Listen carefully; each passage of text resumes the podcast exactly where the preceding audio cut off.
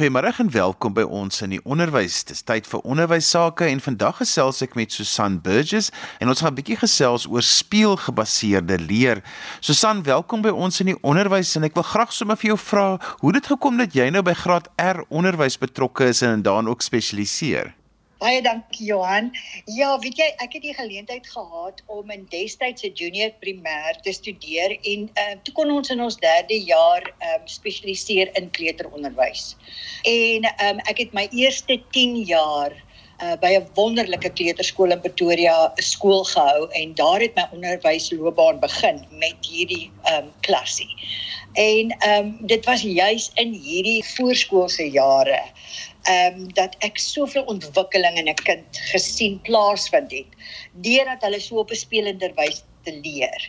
Dit het my baie aangetrokke ehm um, tot graad R onderrig gemaak en dit is vandag nog 'n baie groot passie want ek het die hele grondslagfase ehm um, kan ek maar sê het ek al in skool gehou maar jy weet mos in 'n mens se hart is daar 'n spesiale plek vir graad R kinders en graad R onderwysers. Susan, hoekom is speel so belangrik selfs ook vir graad R kinders? Weet jy Johan, speel kom so natuurlik by kinders voor en om spelenderwys in die wêreld rondom hulle dinge te ontdek en dinge te ervaar, leer hulle so baie vaardighede aan om hulle uiteindelik gereed te maak om met selfvertroue, jy weet, die groot stap na die groot skool toe te betree. Nou ons wil vandag bietjie praat oor 'n speelgebaseerde benadering. So hoe lyk dit dan in graad R? Weet jy, speelgebaseerde leer, ehm um, laat ons kinders toe om te wees wie hulle natuurlik is. En ehm um, deur beweging en ontdekking en om te eksperimenteer, bied dit 'n lekker stewige grondslag vir die belangrikste en die fisiese, die kognitiewe, sosiale en emosionele vaardighede. So dit lê daardie grondslag vir hulle om dan gereed te wees om van 'n konkrete benadering want alles is in speelgebaseerde leer draai om 'n konkrete ervaring om dan daardie stap te neem na 'n wêreld van in die graad 1 wêreld van wat meer van simbole en getalle afhanklik is. Susan, want ek dink daar's nogal by mense groot verwarring hieroor want mense dink as my kind graad R toe gaan, dan gaan hy nou skool toe al deesdae. Dit is nie meer soos in die ou dae wat jy graad 1 skool toe gegaan het nie. So moet ja. kinders in graad R dan formele klaskamer onderrig begin ontvang sonder om te speel of hoe werk dit? Weet jy nee, ek dink geen leer moet sonder 'n mate van speel of genotvolle aktiwiteite ehm um, saam daarmee gebeur nie. Ehm um, vir my gebeur daar leer wanneer al die sintuie betrokke is. En hoe meer hulle prakties iets ervaar, hoe beter leer hulle. So definitief in die graad R jaar soos ek sê, is hierdie wonderlike jaar van ontwikkelinge um en om met konkrete en die regte ding um in aanraking te kom en deur die regte konkrete apparaat te manipuleer. So um ek ek dink nie daar gaan ooit 'n dag kom waar daar glad nie lekker um informele aktiwiteite saam met formele leer plaasvind nie. Nou ek weet ouers kyk mos nou maar vir al hierdie tyd van die jaar al reeds rond nou wanneer hulle wil weet hulle wil kinders gaan inskryf vir graad R. En dan kry ek nogal baie keer die indruk dat ouers kyk nou wanneer begin juffrou nou vir my kind te graad R te leer lees byvoorbeeld so en dit is ook maar 'n bietjie van 'n onding. So waarna moet ouers kyk as hulle nou gaan soek na 'n plek waar hulle graag hulle graad R kind wil inskryf? Ja, absoluut. Ek dink die belangrikste is dat 'n mens 'n skool moet gaan besoek en dan kyk. Weet is die kinders in gelukkig in 'n veilige omgewing speel hulle daar? Is daar buitespel apparaat waarin hulle kan klim en swaai? Is daar gedurende die dag 'n tyd waar hulle beweeg? Of dit met musiek of sonder musiek of op die maat van 'n drom? Daar moet baie beweging plaasvind want jy weet daai lywe moet fisies gereed maak om nou te kan stil sit volgende jaar in die skool. So ons moet hulle lywe um lekker gereed kry om uh, en dit uh, daar speel beweging 'n baie groot rol. Um mens moet ook kyk wie die skool die geleentheid om my kind op alle van fasette te ontwikkel. Jy weet, um is daar kreatiewe tyd? Is daar tyd vir kreatiwiteit? Is daar tyd waar hulle van 'n as ek soos ek sê 'n skoon bladsy af begin om hulle eie prentjies te beplan en om um, verskillende uh, goed te teken en om verskillende materiale te gebruik om uh, 'n uh, potloodgreep of 'n verfkwasse greep sal hulle hierdie goed weet sal is daar 'n manier waarop hulle wat hierdie skool hierdie um, ontwikkeling te laat plaasvind en dan ook op perseptuele vlak. Jy weet ons groot spiere moet ontwikkel word in ons kinders se klein spiere, maar ook ons auditiewe, jy weet die gehoor en kan hy uh, word hy toegelaat om sy eie probleme op te los? Kan, word hy toegelaat om planne te maak? En dan in in hierdie sosiale omgewing, ehm um, kan hy sy beurt afwag en in goed gee hulle die kans om soos ek sê om 'n gelukkige ehm um, en holistiese kind dan emosioneel en kreatief en ook um, op baie ander maniere bied hierdie skool dit vir my in 'n dag of in 'n paar dae of in die hele jaar. So die fisiese, die emosionele en perseptuele vaardighede. So is daar 'n dagprogram vol interessante aktiwiteite waar daar beweging en allerlei heerlike aktiwiteite plaasvind. Susan, jy's betrokke by die Kiro groep en julle het 'n groot fokus op speel by voorskoolse kinders. Hoe verskil die speelgebaseerde leer dan van tradisionele klaskamergebaseerde onderrig? Ehm um, weet jy Johan in um, ons skole is um, in 'n speelgebaseerde omgewing soos as jy nou noem, sal jy sien dat kinders met konkrete objekte werk. Ehm um, byvoorbeeld wanneer hulle van vrugte leer, want jy weet baie van hierdie die kurrikulum ehm um, word volgens 'n tema um 'n weeklikse of twee weeklikse tema aangebied. Dit maak dit net makliker sodat um die kinders daarmee kan vereenselwig goed wat hulle ken. En sê nou maar dit is nou vrugte of groente. So die kinders gaan aan die vrugte voel. Daar's 'n tema tafel waar daar regte vrugte is waar hulle voel en hulle proe daaraan en hulle kyk hoe lyk dit en hulle kyk na die vorm. So hulle ervaar deur al hulle sintuie en ook beweging. Um hierdie uh, hoe hierdie vrugte dan nou lyk en proe. En dan kry hulle ook die geleentheid om hierdie um, vrugte of uh, of wat ook al 'n mandjie met vrugte kreatief voor te stel. Hulle lees stories daaroor, hulle sing, hulle beweeg op die maat van die musiek en hulle doen allerlei um, aktiwiteite wat met hierdie tema dan in verband hou. So in Kiro is 'n speelgebaseerde ehm um, aanslag baie belangrik want ons sê weer dat hoe meer sintuie daar betrokke is wanneer 'n kind iets leer, hoe beter werk die brein, hoe beter onthou die brein en dan vind optimale leer plaas want dit bly maar vir mense moeilik om te verstaan dat kinders nog moet speel in graad R want die ouers is so gefokus en mense is so gefokus dat die kinders moet nou leer gereed word. Hulle moet nou soos in die ou dae gepraat het skool gereed word. So hoe gaan 'n mens daai bruggie oor en watter rol speel speel dan in graad R om daai bruggie te kan oorgaan? Weet jy, dit is vir my verskriklik. Die graad R is die ek van die belangrikste jare in 'n kind se ontwikkeling want jy moet onthou 'n mens 'n graad R is nie soos 'n aftiklys nie of 'n graad R kind is elke een is op hulle eie unieke pad wat hulle loop. Party vorder 'n bietjie stadiger en dan party vorder dan nou heel wat vinniger.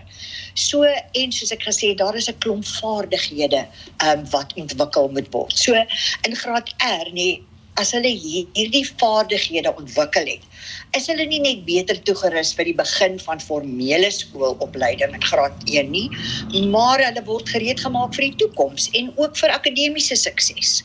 En dan die bruggie wat hulle dan oorsteek van hierdie konkrete wêreld waar die brein ingekleur word met al die sintuie oor sekere temas en oor sekere uh sê net maar so walvisse of enige van die inhoud wat daar is.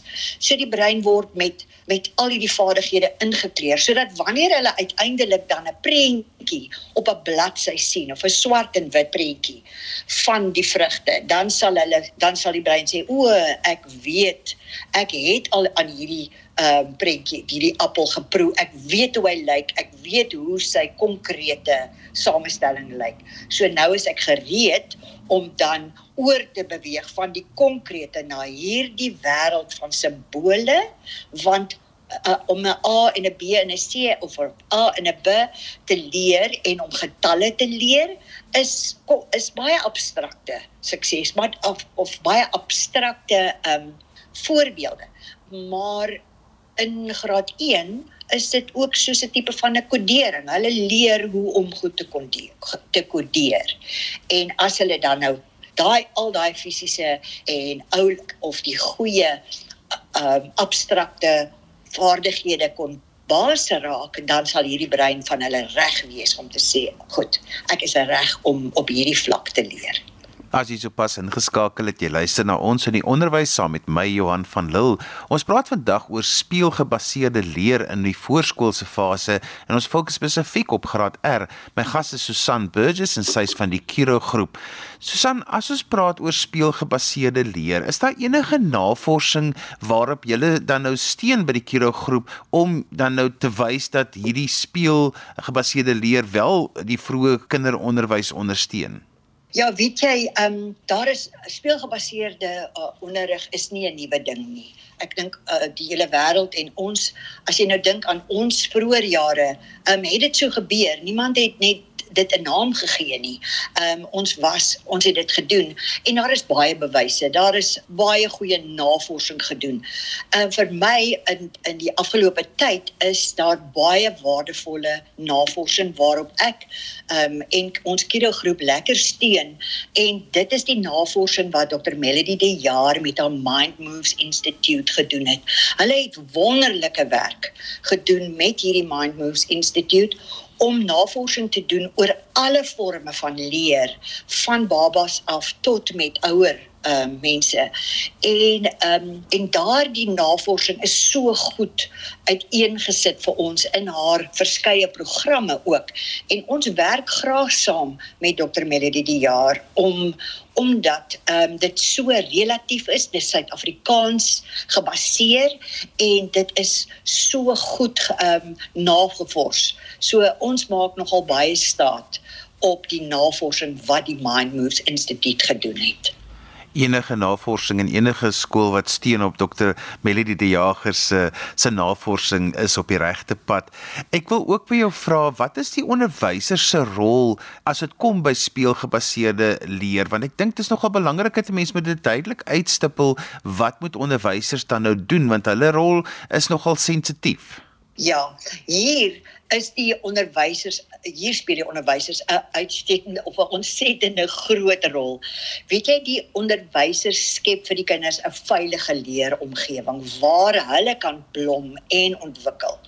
En enige kind sal graag leer wanneer 'n juffrou vir hulle positiewe leerervaring gee.